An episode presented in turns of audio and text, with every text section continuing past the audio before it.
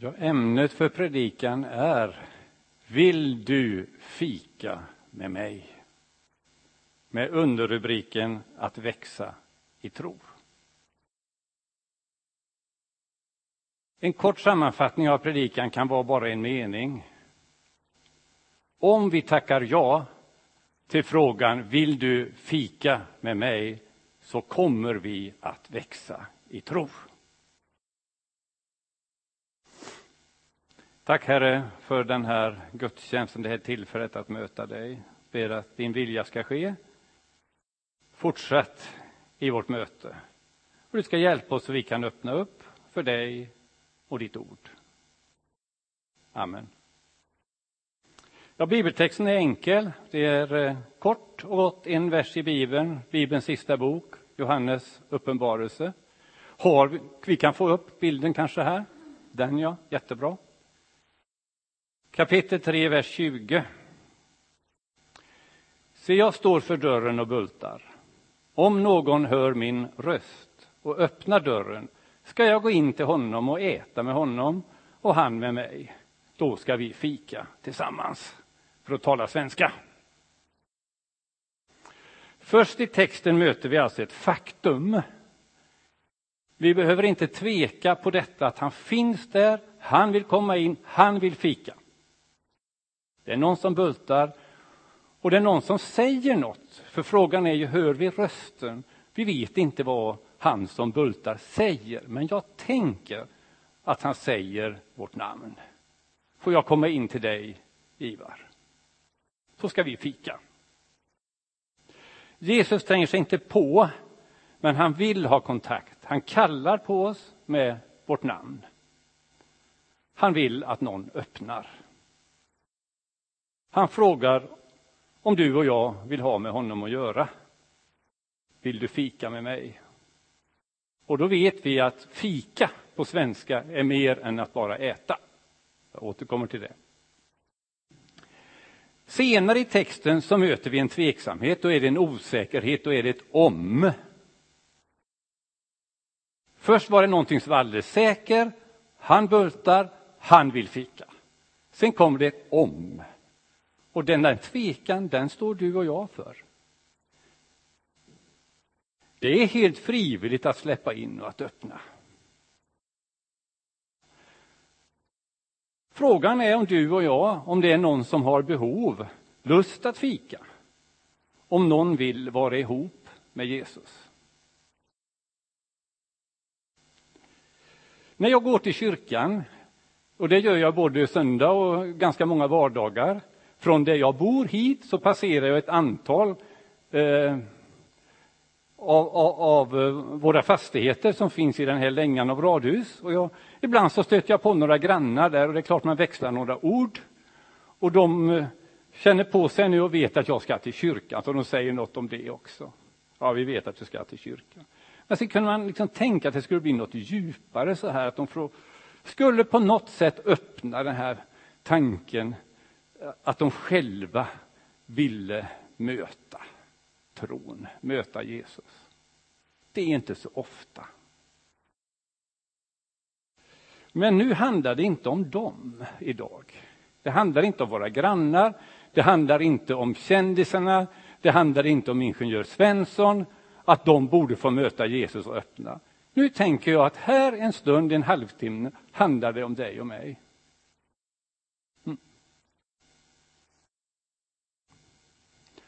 Fika är ju ett typiskt svenskt ord. Eh, liksom ordet lagom. I den här tv-serien eh, Allt för Sverige så är det ju de orden som man vill pränta in alltså som är svenska. Det är lagom och så är det fika. Jesus vill gärna äta med oss. Han vill fika på tu man hand. Det är ganska häftigt det här. Om någon öppnar dörren så ska jag gå in till honom och äta med honom och han med mig. Det är liksom ömsesidigt. Här visar vi den här relationen. Jag vill gå in till henne och äta med henne och hon ska äta med mig. Det är förtroligt. Det är väldigt närintimt. Känns det som i den här texten. Bara du och, jag, och Jesus är det. Vi har en dotter, Ulla och jag, vår äldsta dotter som bor i eh, Älvängen. Och vi träffas regelbundet, eh, minst en gång i veckan. Men då är det med familjen och barn och allt och det är klart vi pratar lite så hur det är. Så jag tror att jag känner min dotter ganska väl. Vid ett tillfälle så bjöd hon mig på bio. Vi skulle se en film, vi skulle se Avatar. Och det blev fel i bokningen. Hon hade bokat på nätet, så att det stämde inte. Så vi kom i ett läge att vi får se en annan film eller också får vi vänta. Och vi skulle vänta en och en halv timme. Vi väntar för vi ska se Avatar, det hade vi tänkt. Vad gör vi nu? Vi går och fikar på Condeco. Och då har jag med min äldsta dotter en, eh, en riktig sån här kvalitetstid. Och det var riktigt bra. Alltså på tu man hand, vi två, då fick vi på riktigt lära känna varandra igen. Hur är livet? Det är på riktigt. Och det är detta som Jesus vill i den här texten. Inte bara det här ytliga, ja, vi går till kyrkan, det är ju alla och Jesus är där. Nu är det på tu man hand, nu är det på riktigt, nu är det kvalitetstid. Tar vi den?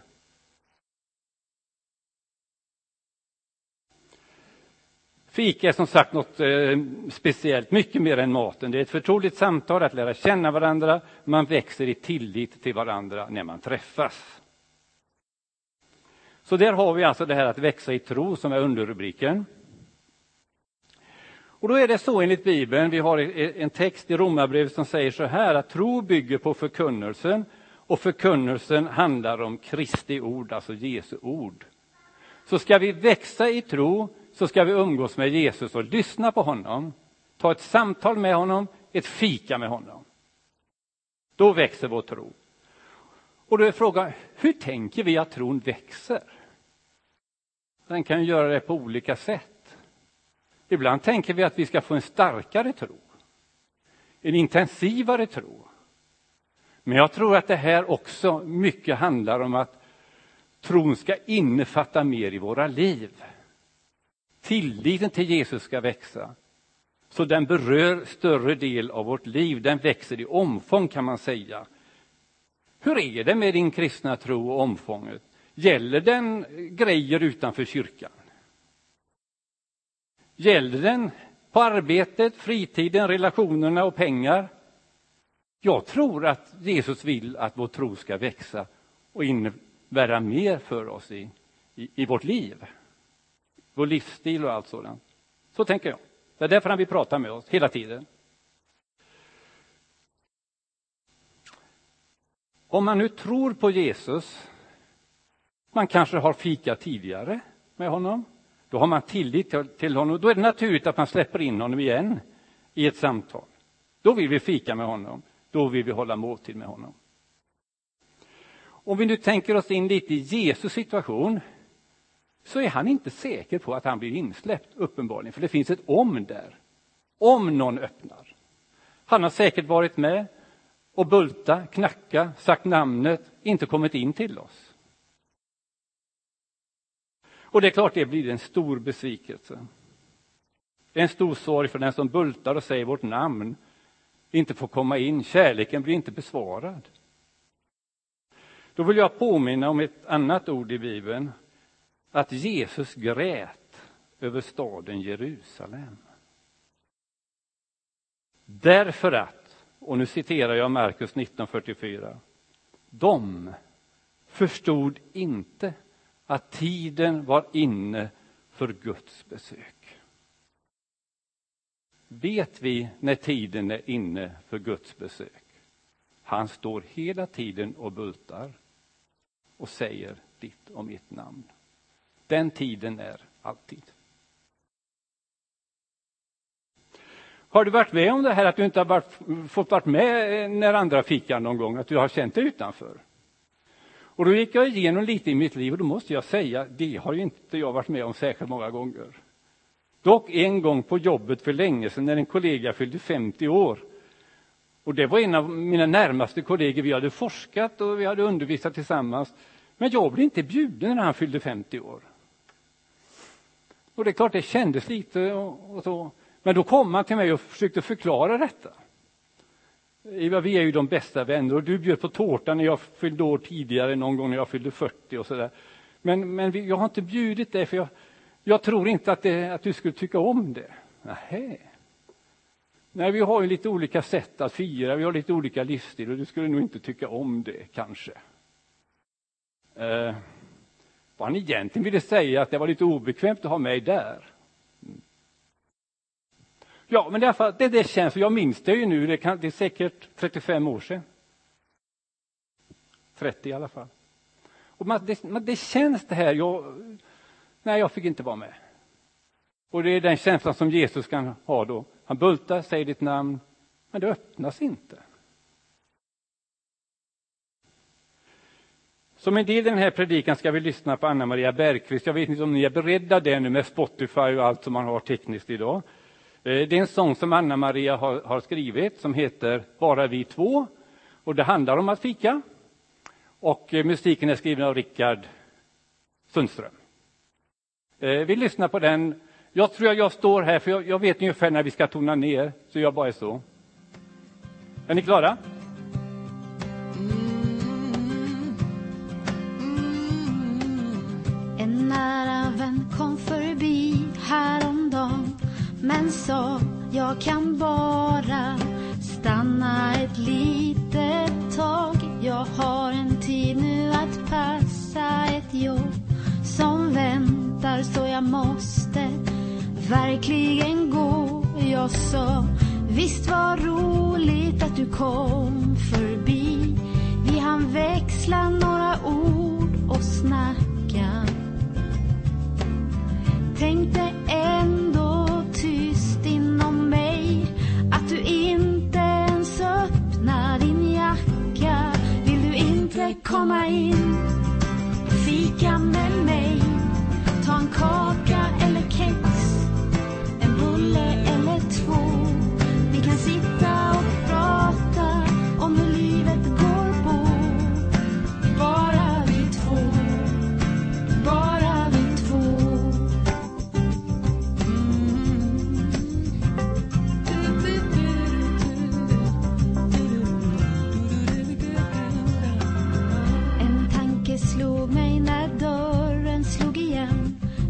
så här som Gud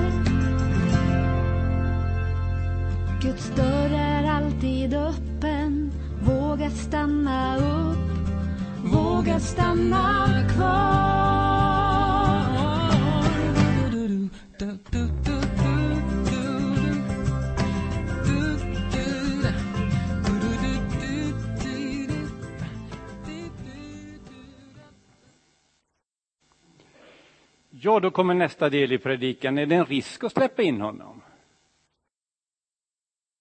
Kan det vara så att eh, man måste ändra sig på något sätt? Vågar jag släppa in honom? Kommer livet att eh, måste bli annorlunda efter jag har släppt in honom? Det är ju så att det är av kärlek som Jesus knackar på, säger vårt namn, men kärleken är inte kravlös. Det är kanske därför som han inte alltid blir insläppt. Här skulle det vara intressant att ta tid att gå igenom alla de eh, berättelserna i Bibelns evangelier där det står att Jesus besökte hem av, på olika sätt, i olika sammanhang, olika människor. Vilka fikade han med på den tiden? I Matteus, Markus, Lukas och Johannes evangelium, deras berättelser. Och då har jag gjort det, jag har läst igenom alltihop, alla evangelierna för att se hur mycket fika han egentligen? Hur mycket var han inne hos folk? Och då var det inte alltid så på tu man hand, utan ibland var han på stora fester, det vet vi, många var där. Ehm, och vi kan som sagt inte gå igenom allt detta, men eh, lite skissa kan vi göra. Det väntade var ju att han hälsade på lärjungarna. Och då hälsade han på Petrus en gång hemma hos honom och då var svärmor där och hon var sjuk och hon blir helad. Denna berättelsen tror jag många känner till. Så var det. Och sen besökte han en annan eh, lärjunge, Matteus eller Levi, som han kallas. Eh, han bjöd på stor fest i sitt hus och eh, Jesus var där. Inte överraskande. Han besökte Marta och Maria och Lazarus. De var tre syskon, bodde i en by som heter Betania. De var ju också Jesu efterföljare. Inte bland hans tolv lärjungar, men dock lärjungar. Det kommer jag återkomma till lite. Efter sin död och uppståndelse så visade sig Jesus för lärjungarna. Då kom han fast eh, dörren var stängd. Då var det faktiskt ingen som behövde öppna den gången. Han gick in ändå. För han ville visa att han levde. Då kom han till sina lärjungar. Han visade sig också efter uppståndelsen för två eh, lärjungar som var på väg och vandrade till en by som heter Emmaus. Och de hade ett väldigt bra förtroligt samtal. Det var så att de här lärjungarna sen sa, men det var ju faktiskt så att våra hjärtan blev brinnande när vi samtalade med honom. Mm, det kan hända oss också. Släpp in honom får ni se. Det var det med lärjungarna. Sen var det, nämnde jag att det var ibland stora fester och, och, och kalas och, så. Och eh, då var det ju så att han gjorde sitt första under i ett sådant sammanhang. Det var bröllop i Kana. Eh, och han var bjuden och en del av lärjungarna var bjudna, alla var bjudna och, och vinet tog slut. Den här berättelsen känner vi till och eh, Jesus räddar situationen för eh, världen i det här eh, bröllopet. Det var pinsamma att eh, vinet tog slut, löfte Jesus genom att förvandla vatten till vin. Detta vet vi. Men vi kanske inte ofta tänker på att det var också någon form av, det blev en slags prov, provokation i detta. Har ni tänkt på det? Läs texten noga. Vi tänker oss att det är vanligt vatten som man har tagit ur kranen och så blir det vin. Detta var ett speciellt vatten. Det var det heliga vattnet som de använde för sina reningsceremonier. Och så står fariseerna och de äldste där och så tar han detta vatten och så gör han om det till en vanlig måltidsdryck. Han hade ju en förmåga att provocera. Det var en del oväntade besök, kanske. Och då är det viktigt för oss att veta att Jesus tog inte avstånd från den tidens eh, eh, religiositet helt och hållet. Han gick ju till templet, han gick ju till synagogan, han gick in till synagogsföreståndaren och hälsade på. Hans dotter var sjuk och hon blev botad. Och han hälsade på fariseerna, det var ju det här politiska religiösa partiet, som egentligen vi känner som hans, hans antagonister i många sammanhang. Det var de som utmanade honom. Men han hade inga problem att gå dit och hälsa på dem. Flera tillfällen så hälsade han på hos någon farisé. Bland annat var det denne Simon som också var leprasjuk. Och det var ju vid det tillfället som det var en kvinna som kom och smorde Jesus med olja. De här berättelserna känner ni igen när jag skummar över dem så här. Och då var det ju också så att den som hade bjudit in Simon, han fick sig en läxa. För att det visade sig att han hade nog bjudit in Jesus bara för att det var häftigt att ha den eh, märklige man Jesus där. Men han brydde sig inte om honom på ett sätt. Han fick ingen välkomstkram och ingen kyss. Och det var ju då han sa, nej men den här kvinnan som smorde mig, hon tog emot mig på rätt sätt. Det gjorde inte du. Detta säger han till den som har bjudit in honom till världen. Det var raka besked alltså. Och ännu mer kanske om vi läser i Lukas 11, också en farisé. Då blev de förvånade, alla de här eh, judiska ledarna, för Jesus gick rakt förbi de här tvättfaten där man skulle rena händerna. Han struntade i det. Det var väl också någonting han skulle visa, antagligen att det inte var det viktigaste. Men när, han såg, när, när de såg att han eh, inte brydde sig om att rena sig så blev de förvånade och han märkte att de blev lite förargade rent av. Men då tog Jesus till orda och så sa han så här. Ni är väldigt noga med att rena era bägare och era fat. Men ert inre är fullt av vinningslystnad och ondska. Och så säger han så här. Ge till de fattiga det som finns på era fat, så blir allt rent för er. Det var ord och inga visor. Sen blir Jesus anklagad för att han åt med syndare.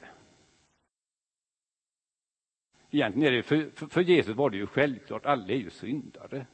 Men ändå var det så att de som var på något sätt bedömdes som stora syndare, de gick han in och åt med också. Och Det var också en provokation för ledarna. Och då har vi det här med, med Sackeus, eller Sackaios som man säger nu. Den berättelsen tror jag att ni känner till, han som ville se Jesus klättra upp i träd, för han var så kort i växten så han ville se Jesus när han gick förbi. Han heter Sackaios. Och när Jesus går förbi trädet så säger han, nu ska jag hem till dig. Han bjöd in sig själv. Jag vill gästa i ditt hus. Och eh, Sackaios gick med på detta. Och sen är slutsatsen efter ett tag, de har samtalat, de har ätit, de har fikat och alltihop, så är Jesus slutsats, idag har räddningen kommit till det här huset. Vad var det som gjorde att Jesus kunde göra den eh, analysen? Ja, det var att det hade hänt något med Sackeus livsstil. Han hade tänkt om och då gällde det pengar.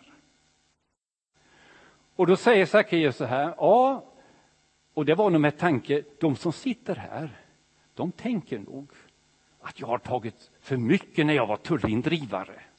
För det var ju det han var. Han tog upp pengarna när de skulle in i stan. De som sitter här, de tänker nog att jag har tagit väldigt mycket mer betalt än jag skulle. Så därför säger han, nu ger jag hälften till de fattiga och har jag tagit för mycket av någon så ger jag fyrdubbelt igen. En enkel matematisk kalkyl säger ju att de flest, det mesta av hans pengar hade han förtjänat ärligt och schysst. Det kan högst vara en åttondel som man kan ha fuskar till sig om man räknar på det här. Först hälften till den fattiga och sen en fjärdedel tillbaka. Och då hade han ändå renskrapat sig om det skulle vara en åttondel. Det tror inte jag. Det var några procent han har tagit fel. Tagit för mycket. Och då kan vi ju känna, ja det handlar om att fuska lite med skatten. Och då tror jag att om svenska folket skulle göra som Sackeus, då skulle det bli klirr i statskassan. Absolut. Så det här med stora syndare, tänk inte så. Vi är alla där och vi behöver möta Jesus och få en förändring kanske i våra attityder och alltihop. Sen vill jag säga någonting om Marta och Maria. Det är det sista exemplet. Det var ju de här systrarna i Betania Eh, som vi ofta berättar om, Maria som satt sig vid Jesu fötter, samtalade innerliga så. Och så var den andra systern Marta som strävade och jobbade för att Jesus skulle få någonting att äta. Och allt annat praktiskt. Och då är det så, skulle jag vilja säga mina vänner, att vi kan visa kärlek på olika sätt. Jag vet inte om ni har läst den här boken eh, Kärlekens fem språk. Det ena är den intima, ja det är fem, men jag kan bara nämna två då. Den intima beröringen, den nära så, det är ett sätt att visa kärlek. Eh, men att göra tjänster, enligt den boken, är också ett av de fem sätten att visa kärlek i en vanlig kärleksrelation. Och jag tror faktiskt att det gäller oss också. Så egentligen visade dessa båda systrar kärlek till Jesus, men de gjorde det på olika sätt. Problemet tror jag var att någon kritiserade den, den andra. Det ska vi inte göra. Vi har alla olika sätt att möta Jesus. Vi måste respektera de olika sätten att ta emot Jesus, olika sätten att tjäna Jesus, att visa kärlek för honom. Det säger den texten mig. Lite senare, när Lazarus hade dött, brodern, och Jesus kom dit och sedermera uppväckte honom, då var det faktiskt Marta som rusade och, och, och, och föll i famnen på Jesus när han var på väg. Och de började prata intimt om olika saker, om uppståndelsen och vad hände med Lazarus och allt det här. Så det är olika tider också som vi kan visa kärlek på olika sätt. Det här säger de här mötena då, fika på olika sätt.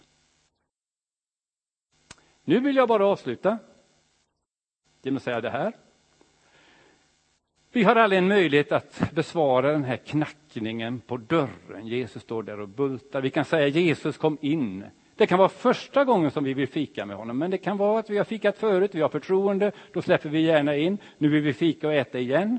Jag behöver det här. Vi kan säga påminn mig Jesus om vem du är. Lär mig din väg, följ mig på vägen genom livet och låt mig få känna den helige Andes eh, hjälp och ledning på vägen. Vi säger ibland att kärleken drabbar oss, har ni hört det? Ja, men det är ett intressant uttryck för att ibland kan, kärleken kan inte styras alltid, ibland så bara den händer. Det har ni säkert upplevt. Däremot står det i vår makt att avvisa eller att öppna oss för kärleken. Det är vårt beslut. Gud är kärlek, han älskar oss, han bjuder oss att uppleva hans kärlek. Men beslutet att ta emot eller att avvisa, det är vårt eget. Det finns inget handtag på utsidan av dörren, bara på insidan. Vi ansvarar för om vi öppnar eller inte. Men då har vi den här underbara texten som blir som avslutning då. Johannes 1 och 12. Men åt alla de som tog emot honom gav han rätten att bli Guds barn åt alla som tror på hans namn. Detta brukar jag kalla för Guds allemansrätt. Åt alla de som tog emot honom gav han rätten att bli Guds barn. Vi har en allemansrätt i Sverige. Och vid ett tillfälle för några somrar sedan så var jag ute, det var, eller sensommar, det var nästan in mot hösten. Jag plockade svamp. Och det var så otroligt mycket svamp vid det här, eh, vid det här tillfället i skogen. Och jag plockade en, hel, en jättestor korg. Och med den enda människa jag såg, jag såg ingen människa, jag såg faktiskt bara en, en, en hund som sprang förbi. Och då tänkte jag så här, här har vi en allemansrätt i Sverige, men det är inte många som utnyttjar den. Trots att det finns så mycket att hämta. Och så tänkte jag vidare på Guds allemansrätt. Och det blev liksom en sorg i mitt hjärta att det är så få som utnyttjar Guds allemansrätt. Men du och jag kan göra det. Vi öppnar för honom. Vi kan be tillsammans och så kan vi tänka så att nu har vi en tid av stillhet i samband med nattvarden så att det är ett ansvar du och jag har att öppna på dörren när Jesus bultar och ropar vårt namn. Herre, tack för att du aldrig ger upp med oss. Eh, du eh, står där uthålligt och du knackar och du bultar och säger vårt namn. Och när vi är beredda att öppna så kommer du in till oss. Och vi får ha det här fantastiska förtroliga samtalet, vi får fika tillsammans. Hjälp oss nu var och en att överväga det här, att ta i handtaget och öppna. Amen.